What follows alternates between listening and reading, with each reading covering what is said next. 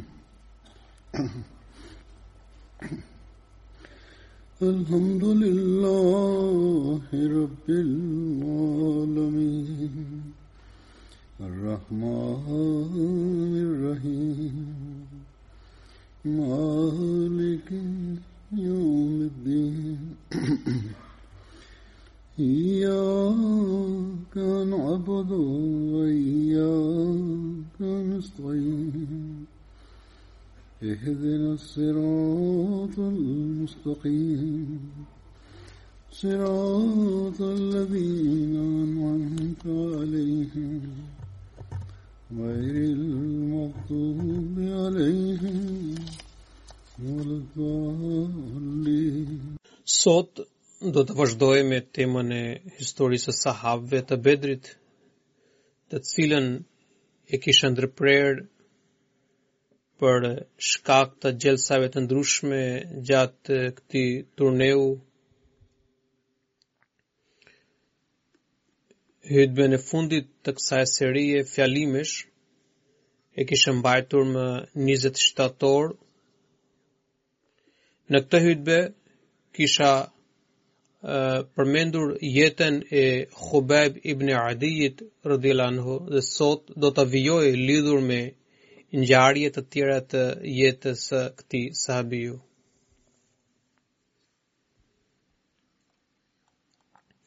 Përpara kam treguar se pak kohë para se të binte dëshmor Hazrat Khubayb bin Adi radhiyallahu anhu i ishte lutur Zotit që selami i tij t'i përcillej të dërguarit të Allahut sallallahu alaihi wasallam.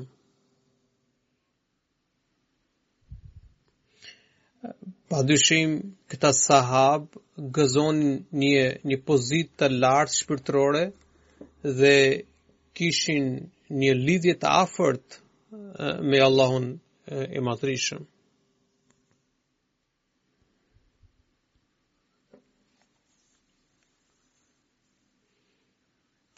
Kur ai bëri lutje se o Allah, këtu nuk po gjej asnjë mjet se si t'i përcjell selam të dërguarit tënd sallallahu alaihi wasallam. Prandaj o Allah, ti vetë përcilli selamin selamin tim Muhammedit sallallahu alaihi wasallam. Atëherë Allahu ia pranoi lutjen dhe profeti sallallahu alaihi wasallam i cili asokohe gjendej në në shoqërinë e sahabëve në Mekë mori selamin e Hubejbit radhiyallahu anhu, si dhe mësoi për martirizimin e tij.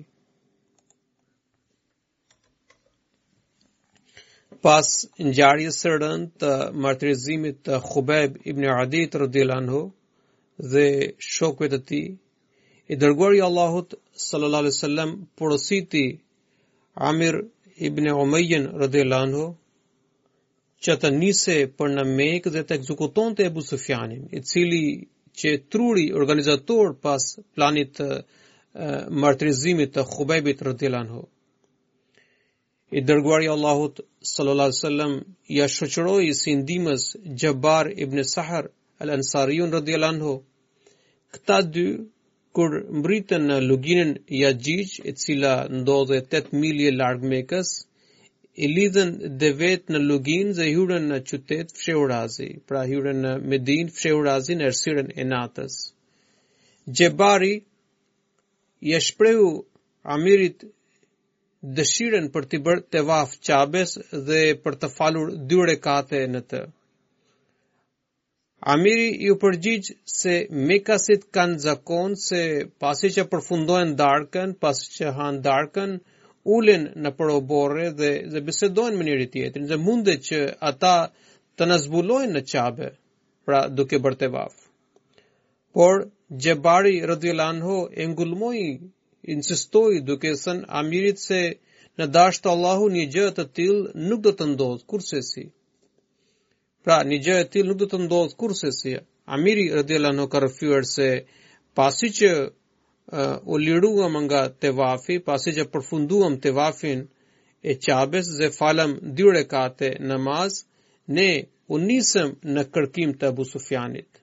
Pasha Allahun, ndërsa ne ecnim më këmbë, na zbuloi njëri prej banorëve të Mekës dhe më diktoi menjëherë dhe tha, Amir ibn Umeja, Me siguri ke ardhur me një qëllim të keq. Unë menjëherë i thashë shokut tim që të, që të, shpot, të, që të shpëtonim prej tij e të, e t'ia mbathnim. Ne nxituam dhe ia mbathëm me të katra dhe, dhe u ngjitëm në një kodër. Njerëzit na ndiqnin nga mbrapa, ndërsa ne arritëm deri në majë, deri në majë të kodrës. Më vonë, ata u dëshpëruan dhe u tërhoqën nga kërkimi. pra zbritën nga kodra. Pastaj edhe ne zbritëm nga maja dhe u strehuam në një shpellë. Për të bllokuar hyrjen e shpellës, vendosëm ca gurë dhe kështu atë natë kaluam në, në shpellë. Në mëngjes, aty kaloi një njeri nga kurejshët që ngiste kalin, ne u strehuam prapë në shpellë. Unë i thashë shokut, pra Xhebarit radiallahu anhu, se nëse ky njeri na kishte parë, me siguri ai do të lajmërojë të tjerët, prandaj na duhet ta ndalojmë atë dhe t'i japim fund. atij atij personi. Unë kisha një hanxhar me vete, të cilin e kisha përgatitur enkas për Ebu Sufjanin, për të vrarë Ebu Sufjanin. Unë i rashë me, me atë në gjoks, pra e sulmova atë, dhe ai ulëriu aq fort saqë e dëgjuan banorët e Mekës.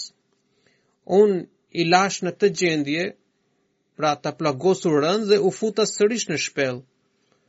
Nuk vonoi shumë, dhe njerëzit mbërritën në vendngjarje. Teksa ky njeri i plagosur jepte frymën e fundit, kurejshët e pyetën e pyetën atë se kush e kishte qëlluar dhe ai tregoi emrin e Amir ibn Umejes. Me të thënë këto fjalë, ai dha shpirt dhe kështu mekasit nuk arritën të zbulonin vend, vendin e tyre ku ishin fshehur këta dy sahabë.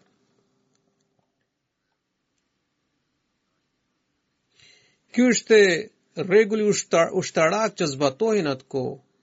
Amir ibn Umeja radiallahu anhu vendosi ta eliminonte atë person sepse për shkak të armiqësisë së skajshme, kurejshët do ta zbulonin atë dhe ta ekzekutonin atë barbarisht. Kjo ishte një taktikë ushtarake që ai zbatoi në vetëmbrojtje. Kështu Para se të diktonte vendin ku qen strehuar Amiri dhe dhe Xhebari radhiyallahu anhu, ai dha shpirt dhe kështu ata pra kurejshët nuk arritën të zbulonin më shumë dhe u kthyen me trupin e, e, e pa jetë. Ndaj të ngrysur i thashë shokut tim se tashmë jemi të sigurt. natën kaluan pranë një tufe njerëzish të cilët ruanin trupin e pa jetë të Hubejb ibn Adit radhiyallahu anhu. Dikush prej tyre duke vërejtur Amirin kishte thënë, "Pasha Zotin, nuk kam parë njeri që i ngjaka aq shumë Amirit ibn Umejas në ecje." Po të mos ishte ai në Mekë, do të kisha besuar se është Amir ibn Umeja. Kështu Allahu vuri perde para syve të tyre. Sipas një transmetimi tjetër, ata ishin bërë xurxull nga dehja e tepërt, pra kishin pirë alkool edhe ishin dehur keq. Ë Xhebari radhiyallahu anhu iu afrua drurit trungut mbi të cilin e kishin kryqëzuar Hubejbin radhiyallahu anhu, kishin e kishin vënë trupin e Hubejbit radhiyallahu anhu. Dhe ia mbathi me gjithë atë. Rojat gjithashtu u lëshuan pas tyre, Por për shkak të dehjes, vetëm disa ishin të zgjuar, e të tjerët në gjumë të thellë ose në dremitje sipër. Kur Xhebari radhiyallahu anhu mbërriti në luginën Jaxhixh, ai hodhi trungun në prua të rrëmbyer. Rojat që i ndiqnin nga pas nuk arritën dot asgjë. Zoti bëri që trupi të zhdukej dhe mosbesimtarëve të mos u bjerë asgjë në dorë. Amiri radiallahu anhu shton më tej, ai thotë, unë i thashë shokut tim Xhebar që të largohej prej andej në, në deven e tij, edhe të nisej në drejtim të Medinës, ndërsa unë do të ballafaqohesha me armikun e të mos lejoja që ata t'i afroheshin atij. Pastaj Shkova në drejtim të malit Jexhnan, i cili ndodhej 25 milje larg Mekës dhe u strehova në një shpellë. Më pas mbërrita në vendin Erxh, që gjendej 78 milje nga Medina. Unë akoma vazhdova udhëtimin, derisa zbrita në një vend që quhej Neki, 60 milje larg Medinës. Aty pashë dy persona të fisit Kurejsh, të cilët kishin ardhur si spiunë në Medinë. Unë u bëra thirrje për të hequr armët, Por ata nuk u bindën. Atëherë në ballafaqim e sipër arrita të, të vrisja njërin me shigjetë, ndërsa tjetrin e zura si rob lufte dhe e solla në Medinë.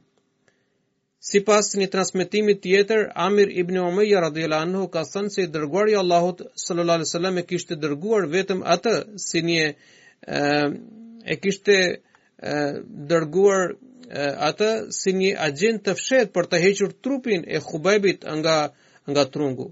Kështu në darkë arrita te trungu në të cilin varej trupi i Khubebit radhiyallahu anhu. Kisha frikë që mos më shikonte dikush, prandaj i, u ngjita te trungu, Por, kur zbrita prej tij, u rëzua dhe trungu, u, u rëzua dhe trungu përdhe. Pastaj, ai trung u zhduk në rrethana të çuditshme, gjoja a, e kishte gëltitur toka. Qysh prej asaj kohe, nuk dihej asgjë rreth kufomës së Khubebit radhiyallahu anhu. Sipas një rrëfimi tjetër, Amir ibn Umayya radhiyallahu anhu liroi trupin e Khubaybit nga litari dhe e e vendosi atë në tokë. Ai u kthye sepse kishte dëgjuar diçka, por kur u drejtua nga trupi, nuk gjeti më atë. Nuk e gjeti më atë. Në fakt, rrëfimi i parë që tregonte se pas ndjekjes nga rojet, Amir ibn Umayya radhiyallahu kishte hedhur trupin e Hubebit në lumë dhe uji e kishte marrë me vete, duket më i besueshëm. Të gjitha rrëfimet lidhur me trupin e Hubebit radhiyallahu tregojnë se kufoma ishte zhdukur dhe mosbesimtarët nuk arritën të të zbulonin apo të çnderonin atë. Kështu, Allahu i madhërishëm mbrojti atë nga plani i keqdashës.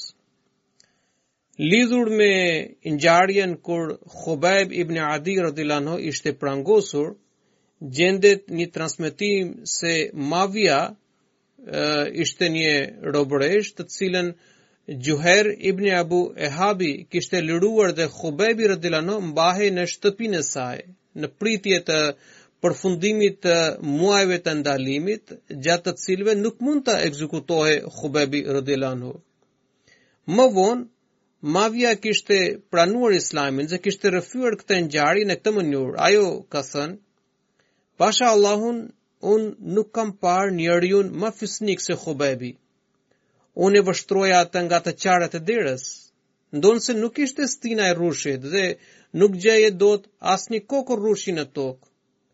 Por, edhe, edhe Hubebi ishte lidhur në pranga, megjithatë e shikoja me vile të madhe rrushi në dorë. Sigurisht ishte një, një dhunti prej Allahut. Khubebi radhiyallahu anhu recitonte Kur'anin në namazin e Tehexhudit me aq mallëngjim saqë gratë që e dëgjonin dridheshin nga ngashërimi. Pra i, i, i kapte i kapnin emocionet. Ajo thotë vazhdon duke thënë Ajo thotë kisha ndjenja keqardhje për të. Një herë e pyeta o Khubejb, a të nevojitet diçka? Fillimisht ai m'u përgjigj në mohim, Pastaj tha, po nëse mundeni, më jepni ujë të freskët. Ju lutem, mos më jepni nga mishi që flijohet në emër të idhujve. Dhe së treti, më njoftoni kur njerëzit kanë vendosur për ekzekutimin tim. Kur kaluan muajt e ndalimit dhe njerëzit vendosën bashkërisht për vrasjen e Khubebit,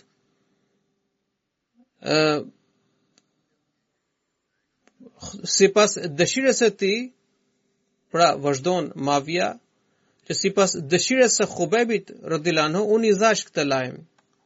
Pasha Allahun, ai nuk kishte asnjë frikë për vrasjen e tij, ai më kërkoi brisk që të rregullonte veten.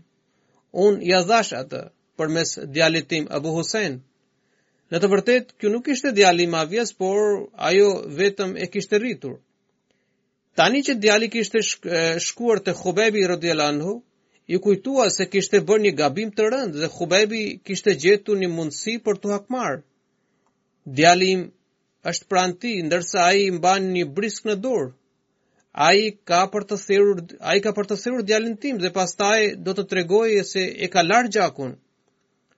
Sipas fjalëve të rrëfimit, fëmija kishte shkuar te Khubebi duke lozur, por sipas një transmetimi tjetër, fëmija ishte i rritur dhe vepronte me vetëdije dhe prandaj e kish e kishte dhënë brisk. Kështu, Mavjes i shkoi mendja se Khubebi ka fituar një rast për t'u hakmarrë. Kur fëmija iu afrua Khubebit, ai i tha me shaka, Qenke trim i madh. A nuk i shkoi mendja nënës sate për tradhtinë prej meje që të solli këtu me gjithë brisk, ndërkohë që njerëzit kanë vendosur për vrasjen time? Mavja po dëgjonte fjalët e Hubebit. Ajo rrëfen, unë i thashë, "O Hubeb, vetëm falë Zotit, unë kurrë s'kam pasur frikë prej teje." Edhe fëmijën me gjithë brisk ta çova duke i besuar Zotit tënd, e jo që ta mbysësh atë. Khubaybi radhiyallahu anhu iu përgjigj, "Jo, unë nuk jam i tillë që t'i sjell keq atij, pra fëmijës tënd. Tradhtia nuk ekziston në fenë tonë. Mavia u qetësua dhe e njoftoi se të nesërmen njerëzit do ta çojnë për ekzekutim. Kështu, mosbesimtarët e morën Khubebin me pranga dhe e çuan në një vend që quhet Tenim, tre milje larg Mekës, në drejtim të Medinës. Banorët e Mekës, gra, fëmijë dhe skllevër të gjithë ishin mbledhur për të parë shfaqjen e ekzekutimit të Khubebit. Sipas historisë, ata që donin të vrisnin Khubebin donin të lanin gjakun e të vrarëve të tyre dhe kështu donin të hakmerreshin. Ndërsa të tjerët që ishin mbledhur në vendin e ekzekutimit kishin ardhur për të shfaqur armiqësinë ndaj islamit apo muslimanëve. Ata mbërritën në Tenim me Khubeb dhe Zed bin Desna dhe ngulën një trung të gjatë në tokë. Atëherë Khubebi kërkoi leje për të falur dy rekate nafile. Pasi njerëzit e lejuan, ai fali dy rekate të shkurtra. Sipas Ibn Saadit, Mavia ka qenë një robëreshë të cilën uh, Hujair ibn Abu Ahab kishte liruar. Kurejshët kishin mbajtur Khubebin në shtëpinë e saj, sipas Allama ibn Abdul Barr, ai mbahej në shtëpinë e Ukbas dhe e shoqja e Ukbas kujdesej për ushqimin e tij. Sipas këtij transmetimi, në vaktin e ushqimit, ajo ia hiqte prangat Sipas Ibn al-Athir al-Jazari, Khubaybi radhiyallahu anhu ishte sahabiu i parë i cili u kryqëzua në rrugën e Allahut dhe u martirizua në këtë mënyrë. Hazrat Kalifi i Dytë radhiyallahu anhu ka shkruar se ndër të pranishmit që ishin mbledhur për të parë ekzekutimin e Khubebit ishte edhe Abu Sufjani, një prej prijësve të Mekës. Ai iu drejtua Zeidit dhe i tha, A nuk të pëlqen që të ishte Muhammedi në vendin tënd? Dhe ti të ishe në rehatinë e shtëpisë sate? Zeidi iu përgjigj plot zemërim, O Ebu Sufjan, çfarë po flet? Pasha Zotin, më mirë të kisha vdekur sesa t'i hynte një gjemb në këmbën e të dërguarit të Allahut sallallahu alaihi wasallam. Kjo dashuri e flaktë la një mbresë të thellë në mendjen e Ebu Sufjanit. Ai e vështroi plot habi dhe pëshpriti nëpër dhëmbë, Pasha Zotin, unë nuk kam parë njerëz që e duan njëri-tjetrin aq shumë sa e duan shokët e Muhamedit, profetin e tyre. Ky është një, një shembul i lartë i dashurisë dhe besnikërisë së sahabëve të të dërguarit të Allahut sallallahu alaihi wasallam. Ai gjithashtu shpreh se kur bie dëshmor për hir të Allahut, nuk më intereson aspak në të në të cilin krah bie, a djathtas o majtas, e para a para o mbrapa. E vetmja që ai shprehu para se të ekzekutohej ishte, pra e vetmja dëshirë që ai shprehu para se të ekzekutohej ishte sërish rënia në sexhde para Zotit të lartësuar.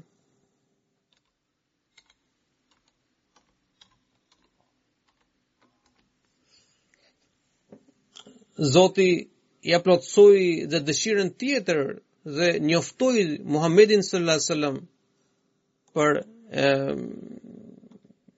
për përfundimin e tij. Madje dashuria dashuria e tyre e fuqishme ndaj profetit sallallahu alajhi wasallam nuk njifte kufi. Ai nuk donte që i dërguari i Allahut sallallahu alajhi wasallam të ndiejë dhimbjen e gjembit që atij t'i falet jeta. Ai nuk mendonte aspak për jetën e tij, kurse atij i rëndohej jeta nëse profeti sallallahu alajhi wasallam kishte një dhimbje sado të vogël. Kjo është arsyeja pse ata kishin fituar pëlqimin e Allahut. Sahabiu i dytë jetën e të cilit do ta rrëfej është Abdullah ibn Abdullah ibn Ubej ibn Selul.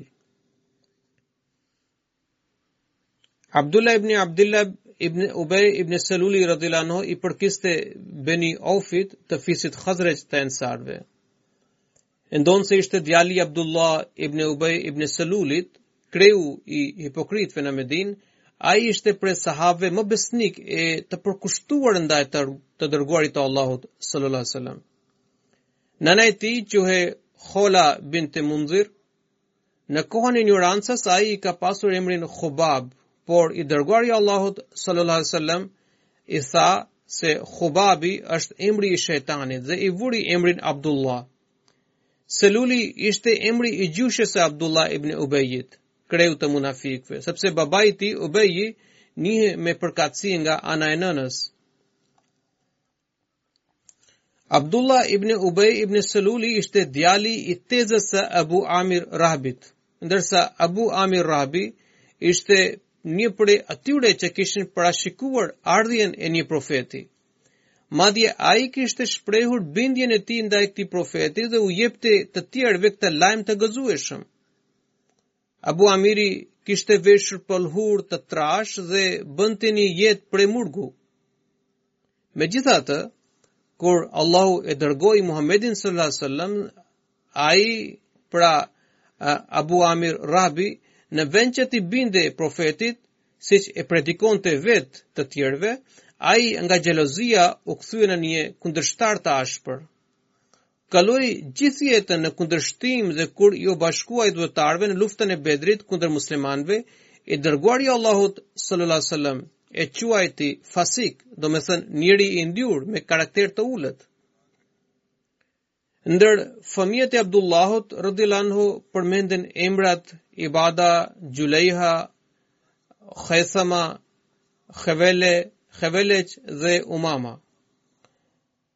Pas pranimit të Islamit, ai arriti një përparim të jashtëzakonshëm dhe konsiderohej prej sahabëve të shquar të Profetit sallallahu alajhi wasallam.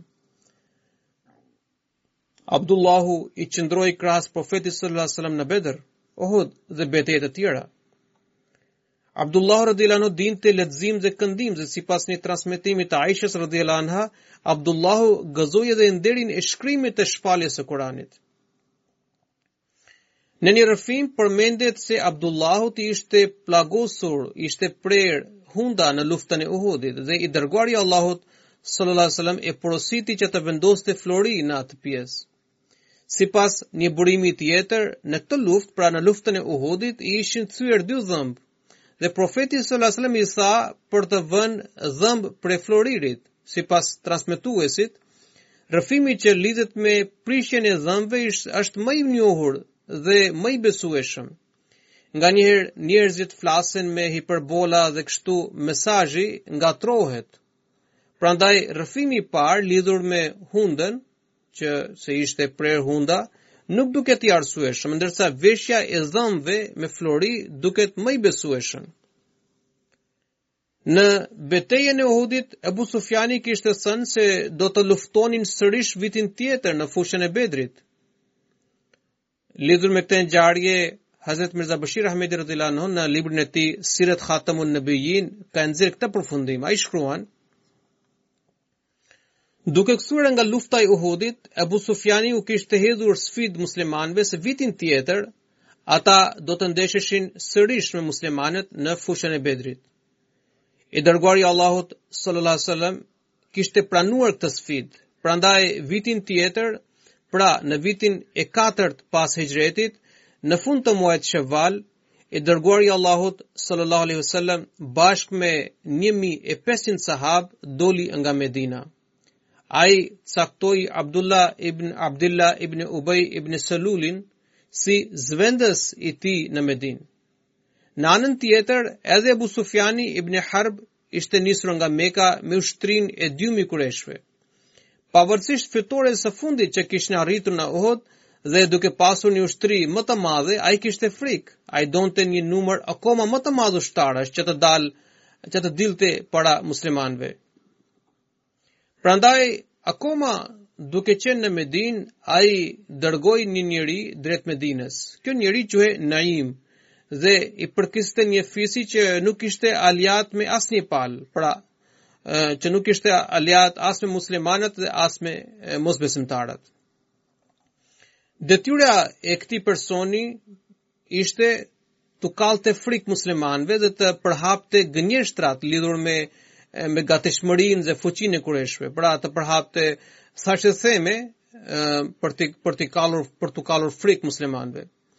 Kështu, ky njeri mbërriti në Medinë dhe njerëzve u kallëzoi historitë e rreme të kureshëve dhe arriti të shkaktonte kaos dhe frikë në Medinë, derisa disa njerëz të dobët u tërhoqën nga pjesëmarrja në luftë. Por e dërguari i Allahut sallallahu alaihi wasallam u bëri thirrje muslimanëve që të dalin për luftë dhe u tregoi se duke pranuar sfidën e kureshëve ne u kemi dhënë fjalë. Prandaj nuk është e mundur që të tërhiqemi nga fjala e dhënë dhe të tregojmë ngurrje. Nëse ju po frikësoheni, atëherë do të dal, atëherë unë do të dal në luftë, edhe pse mbetem i vetëm dhe do ta ballafoqoj armikun trimërisht. Kur dëgjuan këto fjalë frymëzuese të profetit, njerëzve u zhduk frika dhe të gjithë u rreshtuan bashkë me profetin për këtë luftë.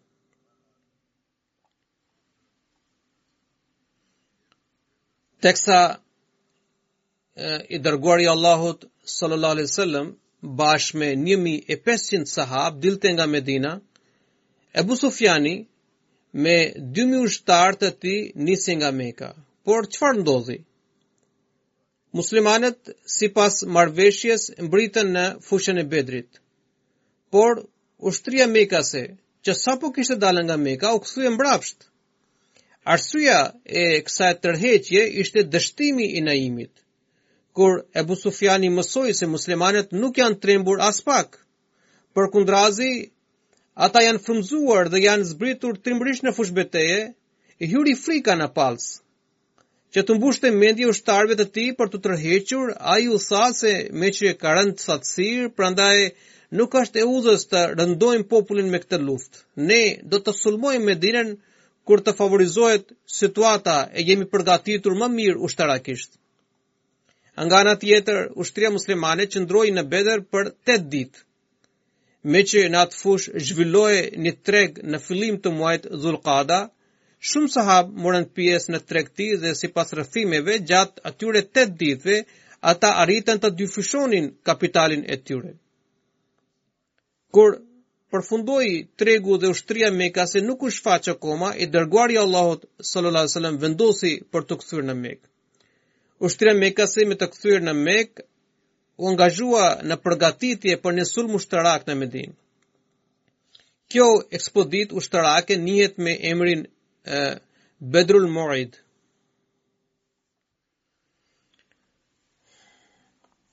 Hazret Abdullahu kishte rënë dëshmor në luftën Yamama në 12 e, hijri në periudhën e Hazret Abu Bekrit radhiyallahu Për të njohur më mirë historinë e Islamit, është e udhës të përmenden shkurtimisht disa detaje të tjera për babain e, e Abdullahut, rëdilanhu. Abdullah ibn Ubej ibn Selul,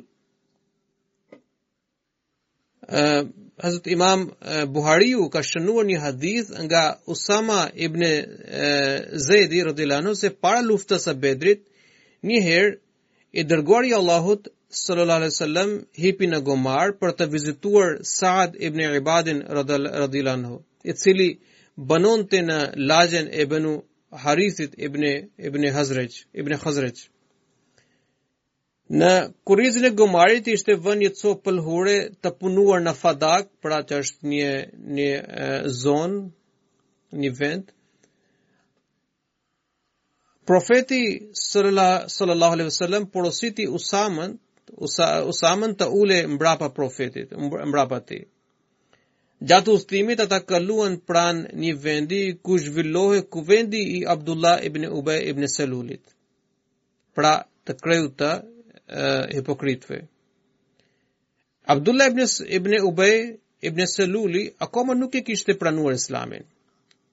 Në këtë kuvend ai rrethohej nga disa idhujtarë, disa hebrenj dhe disa muslimanë. Edhe në këtë kuvend gjendej edhe Abdullah ibn Rawaha radhiyallahu anhu. Lëvizja e gomarit, pra ecja e gomarit ngriti pluhurin që e mbuloi edhe vendin ku uleshin këta njerëz.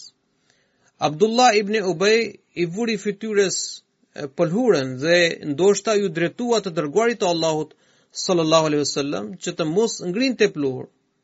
Profeti sallallahu alaihi wasallam u ndal, zbriti nga gomari dhe e përshëndeti. Ai i bëri thirrje për Islam dhe u lexoi ajete nga Kurani. Abdullah ibn Ubay iu përgjigj profetit sallallahu alaihi wasallam se nuk ka fjalë më të mira se këto që keni thënë. Kjo shprehje mund të ketë disa kuptime në varësi të përkthimit. Pastaj i tha, T'i predikonte këto fjalë gjithkujt që dëshiron ta takojë në vendin e tij, pra në vendin ku, ku jetonte profeti sallallahu alaihi wasallam. Por të mos i bezdiste ata.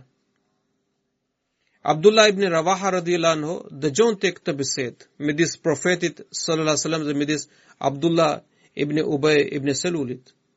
Ai ndërhyri dhe tha: "O i dërguari i Allahut, Përkundrazi, neve na pëlqen që të zbukuroni kuvendet tona dhe të na përcillni këto fjalë. Kjo ndërhyrje nxiti polemikë midis muslimanëve, hebrenjve dhe idhujtarëve dhe ata u fjalosën rëndë kundër njëri-tjetrit. Për pak sa nuk u kacafytën dhe u përleshën. Profeti sallallahu alaihi wasallam i uli gjakrat dhe vazhdoi udhën derisa mbriti te Saad ibn Ubada radhiyallahu anhu. Profeti e pyeti Saadin, "O Saad, a ke dëgjuar atë që Ebu Hubabi më ka thënë sot?" Pra, ai pyeti për Abdullah ibn Ubej ibn Selulin dhe i rrëfeu gjithçka që kishte ndodhur. Saad Ibn Ubada radhiyallahu anhu iu përgjigj, o i dërguari i Allahut, ju lutemi, mos ia përfillni fjalët dhe dhe faleni atë për këtë gabim. Betohem në Allah, i cili ju ka zbritur libër dhe ju ka sjellë këtu me të vërtetën. Banorët e këtij qyteti kishin vendosur t'i vinin kurorë dhe ta zgjidhnin atë udhëheqës. Por kur Allahu nuk e pranoi këtë, ai tashmë po digjet për brenda nga inati dhe smira.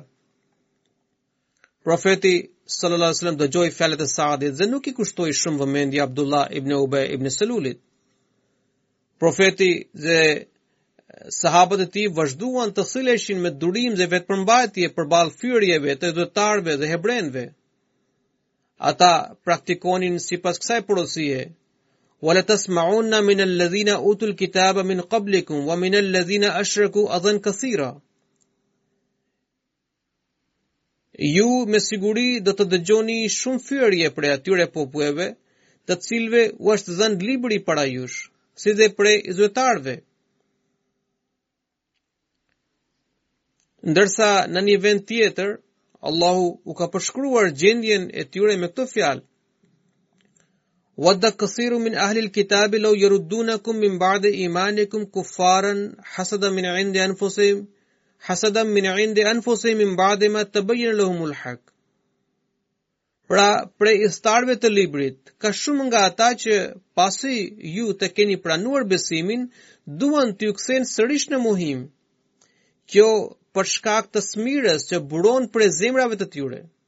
Edhe pse atyre u është u është bërë e qartë e vërteta. Andaj falini dhe tolerojini. Andaj falini dhe tolerojini derisa Allahu të shfaqë vendimin e tij. Allahu pa dyshim ka fuqi të plotë mbi çdo gjë që dëshiron.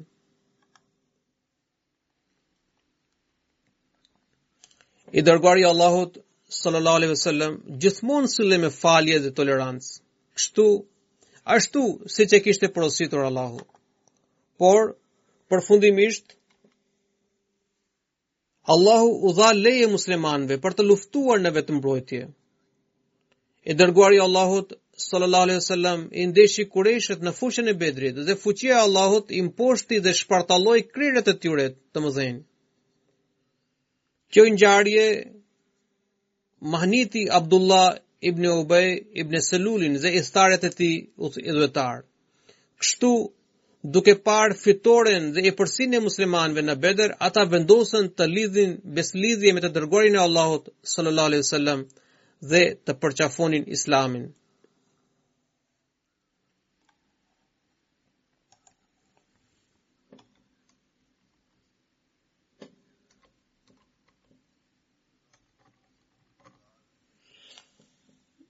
Hazret Mirza Bashir Ahmed sahibi radhiyallahu anhu, ka pasqyruar karakterin e vërtetë të Abdullah ibn Ubej ibn Salulit në veprën e tij. Ai shkruan, Para luftës së Uhudit, i dërguari i Allahut sallallahu alaihi wasallam i mblodhi muslimanët dhe u kërkoi të japin këshilla për taktikën që duhet të ndërmarrë kundër sulmit të kurejshëve, se a duhet të luftonin brenda Medinës apo të dilin jashtë. Në këtë çast, i dërguari i Allahut, sallallahu alaihi wasallam, e ftoi edhe Abdullah ibn Ubay ibn Selulin për të dhënë mendimin e tij, përderisa ai ishte bërë musliman pas fitores në Bedër. Para se t'u kërkonte mendimin, i dërguari i Allahut sallallahu alaihi wasallam u tregoi rreth sulmit ushtarak të kurejshëve si dhe synimeve të tyre të rrezikshme. Ai gjithashtu u tregoi se në ëndërr kishte parë një lopë si dhe shpatën e tij të thyer, kishte parë që lopa po therej dhe ai kishte vënë dorën në një parzmore të fortë e të sigurt. Sipas një rrëfimi tjetër në atë ëndërr, ai kishte parë se ishte hipur në një dash. Sahabët e pyetën se si kishte interpretuar ai këtë ëndërr. Profeti sallallahu alaihi wasallam u përgjigj se nga therja e lopës kam kuptuar se disa nga sahabët e mi do të bien dëshmorë në këtë luftë. Nga shpata e thyer, mendoj se dikush nga të afërmit e mi do të martirizohet, ose Unë vetë do të pësoj diçka të keqe në këtë luftë. Nga vënia e dorës në parzmore, kam kuptuar se qëndrimi ynë në Medinë është më i arsyeshëm. Për sa i përket hipjes në dash, nënkuptohet prijësi dhe flamurtari i ushtrisë kundërshtare, i cili në dashtë Allahu do të ekzekutohet nga muslimanët. Pastaj i dërguari i Allahut sallallahu alaihi wasallam u kërkoi mendimin sahabëve për hapin që duhet që duhet ndërmarrë. Disa prej sahabëve të shquar për shkak të situatës dhe duke u ndikuar nga ëndrra e profetit sallallahu alaihi wasallam mbështetën qëndrimin në Medinë. Këtë mendim e mbështeti dhe Abdullah ibn Ubay ibn Seluli, kreu i hipokritëve. I dërguari i Allahut sallallahu alaihi wasallam pëlqeu këtë këshillë dhe sugjeroi se përballja e ushtrisë mekase duke qenë brenda qytetit ishte taktika më e përshtatshme. Megjithatë, shumica e sahabëve dhe veçanërisht ata të rinj që nuk kishin marrë pjesë në luftën e Bedrit dhe kishin dëshirë të madhe për të rënë dëshmorë në rrugën e Allahut, insistuan me këmbëngulje që lufta të zhvillohej jashtë qytetit. Ata paraqitën mendimin e tyre në mënyrë kaq këmbëngulëse, saqë i dërguari i Allahut sallallahu alaihi wasallam pranoi kërkesën e tyre dhe vendosi se muslimanët do të përballonin mosbesimtarët në fushë beteje jashtë qytetit. Pas namazit të xhumasë, ai u bëri thirrje muslimanëve për të marrë pjesë në këtë betejë si xhihad në rrugën e Allahut. Pastaj ai shkoi në banesë, lidhi çallmën me ndihmën e Abu Bekrit dhe Omerit, radhiyallahu anhum, vuri armët dhe doli jashtë me emrin e Allahut. Ndërkohë, nga argumentet e Saad ibn Muazit radhiyallahu anhu, kreu i fisit Aus dhe sahabëve të tjerë, muslimanët e rinj kishin kuptuar gabimin se nuk duhet të kishin këmbëngulur për mendimin e tyre kundër opinionit të profetit sallallahu alajhi wasallam. Shumica prej tyre kishin ndier një keqardhje. Kur e panë të dërguarin e Allahut sallallahu alaihi wasallam, të armatosur dhe të veshur në parzmore, u shtua keqardhja dhe ata u merakosën për të. Ata pothuaj njëzëri iu përgjigjen, o i dërguari i Allahut, ne kemi bërë gabim se këmbëngulëm, se këmbëngulëm për mendimin tonë. kundër mendimit tuaj. Ju lutemi, veproni ashtu siç ju dëshironi. Në dashtë të Allahut, kjo do të jetë më e bekuar për ne. Por, profeti sallallahu alaihi wasallam u përgjigj plot hijeshi se nuk i nuk i ka hije profetit të heqë armët pasi që i ka vendosur përveçse të detyrohet prej Zotit Le të nisemi me emrin e Allahut. Nëse qëndroni të palëkundur, të dini se ndihma e Allahut do t'ju mbështesë.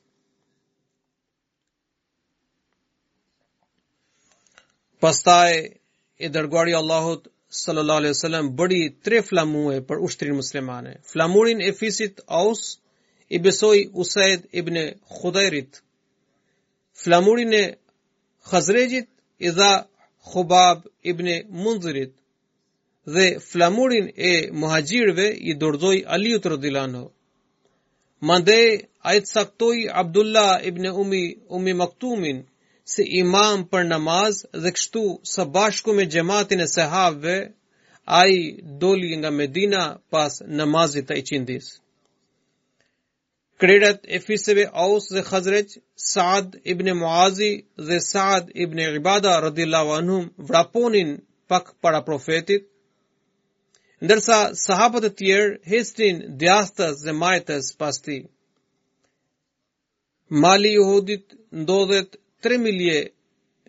në veri të Medinës. Kur kaluan gjysmën e rrugës dhe mbërritën në vendin Shejkhen, profeti sallallahu alaihi wasallam urdhëroi muslimanët për t'u ndalur. Ai urdhëroi për organizimin dhe inspektimin e ushtrisë muslimane. Djelmoshat që kishin ardhur me dëshirë për të luftuar, por ishin ende të mitur, u kthyen mbrapsht. Kështu, Abdullah ibn Omeri, Usama ibn Zejdi dhe Abu Saad al-Khudriu radhiallahu anhum u dërguan mbrapsht. Rafi ibn Khadiji ishte moshatar me këta fëmij, por meqë kishte zotësi në shigjetari, babai tij i kërkoi leje profetit sallallahu alaihi wasallam. për të shkuar në luftë. Kur profeti sallallahu alaihi wasallam e vështroi Rafiun, ai nxori gjoksin dhe qëndroi krenarisht që të dukej ushtar i, i stërvitur. Rafiu i arriti qëllimin dhe profeti sallallahu alaihi wasallam i dha leje. Kur e pa këtë, një tjetër djalosh që quhej Samara ibn Jundub të cilin e kishin kthyer mbrapsht, shkoi te babai i tij dhe i tha, nëse lejohet Rafiu, duhet të lejohem edhe unë, sepse unë e mposht atë në mundje. Babai u ngazullua së tepërmi nga dëshira e të birit. Ai shkoi te i dërguari i Allahut sallallahu alajhi wasallam dhe ia rrëfeu kërkesën e djalit. Profeti sallallahu alajhi wasallam pyeti i buzëqeshur, atëherë bëjmë një ndeshje.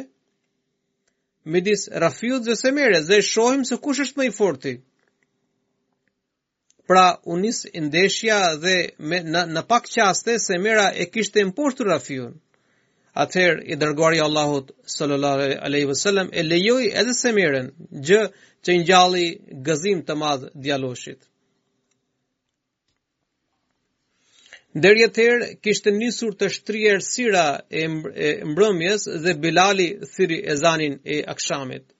Dhe sahabët falën namaz nën udhëheqjen e Profetit sallallahu alaihi wasallam.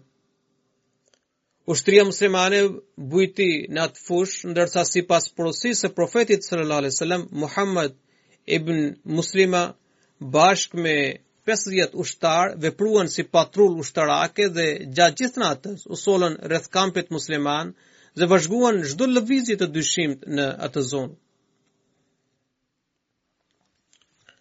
Të nesërmen, ditën e shtunë më 15 sheval të vitit 3 pas hijretit ose më 31 mars të vitit 624 të erës sonë, në agim ushtria muslimane marshoi përpara.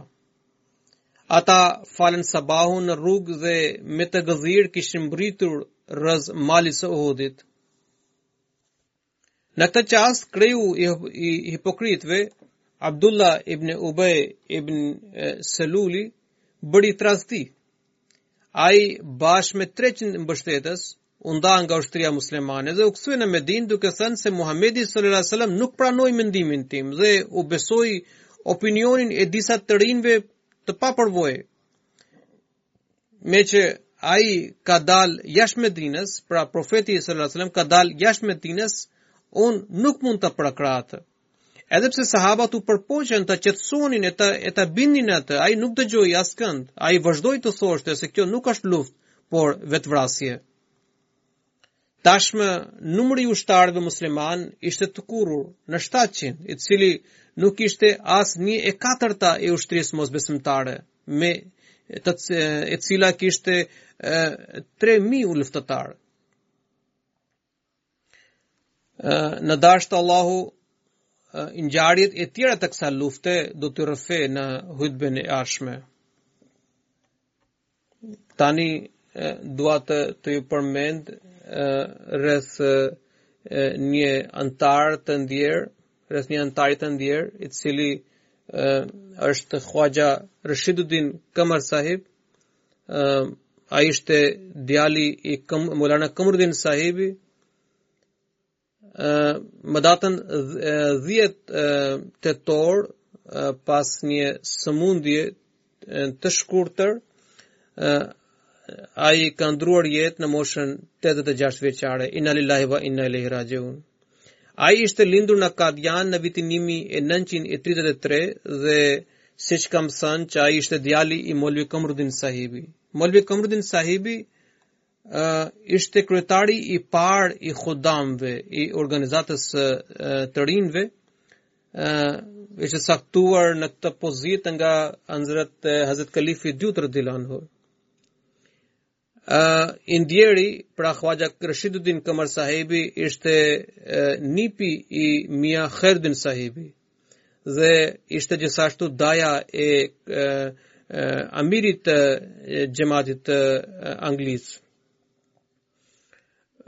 Mesihu i Premtuar alejhi salatu uasselam ka përmendur për Mia Kherdin Sekvani dhe për dy vëllezërit e tij në librin Anjame Atam ai shkruan Unë çuditem mbi dashurinë dhe përkushtimin e xhamatit tim. Disa prej tyre jetojnë me të ardhura shumë të vogla, siç janë Mia Xhemaluddin, Mia Kheruddin dhe Mia Imamuddin prej Kashmirit, të cilët jetojnë në një fshat afër meje. Këta janë tre vëllezër të varfër që shërbejnë si punëtorë krahu dhe fitojnë ndoshta 3 apo 4 ana për ditë, por paguajnë me vendosmëri anëtarësinë mujore. Pastaj në një rast tjetër kur Mesihu i Premtuar alejhi salatu uasselam bëri thirrje për kontribut financiar, Këta tre vëllezër gjithashtu morën pjesë në këtë dhe iu përgjigjën thirrjes së Mesihut të Premtuar alejhi selam. Atëherë ai u shpreh pra Mesihu i Premtuar alejhi selam u shpreh që kontributet e tyre financiare janë shembullore sepse fitojnë shumë pak nga pasuria e dynjas. Megjithatë, duke i ngjarë Abu Bekrit radhiyallahu anhu ata më kanë sjellë gjithçka që kishin në shtëpi dhe me të vërtetë i kanë dhënë epërsi besimit kundër dynjas siç kërkohet në kushtet e bejtit. Pra, i ndjeri pas ndarjes së Indisë kishin kishin mërguar në në Pakistan dhe kishte punuar, kishte shërbyer në ushtrinë ajrore të Pakistanit dhe në vitin 1958 ai kishte ardhur në Angli dhe për 33 vjet ai kishte shërbyer në British Airways. me, meqë donte të shërbente t'i shërbente xhematit, prandaj ai kishte zgjedhur turnin e natës që të shërbente gjatë ditës në xhemat. Ai pothuaj gjithë jetën kishte shërbyer në xhemat, në pozita të ndryshme edhe me përgjegjësi të ndryshme. Ai ishte edhe kryetari i parë i khudamëve në Angli, edhe ai bëri shërbeu me këtë detyrë për 7 vjet. dhe shërbeu edhe në shumë detyra të tjera. Ai kishte cilësi të veçanta, kishte një dashuri të jashtëzakonshme ndaj xhematit, ishte njeri shumë i drejtë dhe falte namazin e tehexhudit, edhe paguante rregullisht çandat ishte njeri i, dhe, i, i shoqërueshëm, i dhembshur dhe i dashur për fëmijët, i respektonte të vegjlit edhe të, të mëdhenjtë, kishte bërë vasijat edhe uh, kish ka lënë përveç uh, gruas bashkëshortes së tij, ka lënë një djalë edhe dy, dy vajza, uh, uh, ka një motër edhe tre vëllezër të tjerë dhe nipi i tij është Kasid Muin sahibi i cili është imam në xhemat edhe shërben për momentin në MTA edhe në gazetën Al Hakam ai shkruan që gjyshi im nuk më ka bërtitur kurrë gjatë jetës por vetëm një herë më bërtiti kur e kisha pyetur nga fëmijëria, e kisha pyetur që kush do të jetë kalifi pas pas kalifit të katërt. Gjyshi më kishte bërtitur. Pra në këtë mënyrë ai më mësoi respektin edhe dhe pozitën e kalifatit. Pra kishte një lidhje besnikërie ndaj kalifatit. Edhe Huzuri tregon që edhe mua më shkruante rregullisht edhe para se të vija nisesha në këtë turne, ai më kishte ardhur për të më takuar. Duroi sëmundjen e kancerit me me durim e vetëpërmbajtje, edhe pse ilaçi dhe trajtimi ka qenë shumë i vështirë dhe i dhimbshëm, Allahu e mëshiroftë atë, ia lartësoftë shkallët në xhennet, edhe u mundësoftë fëmijëve dhe pasardhësve të tij të ndjekin mirësitë dhe virtytet e tij. Amin.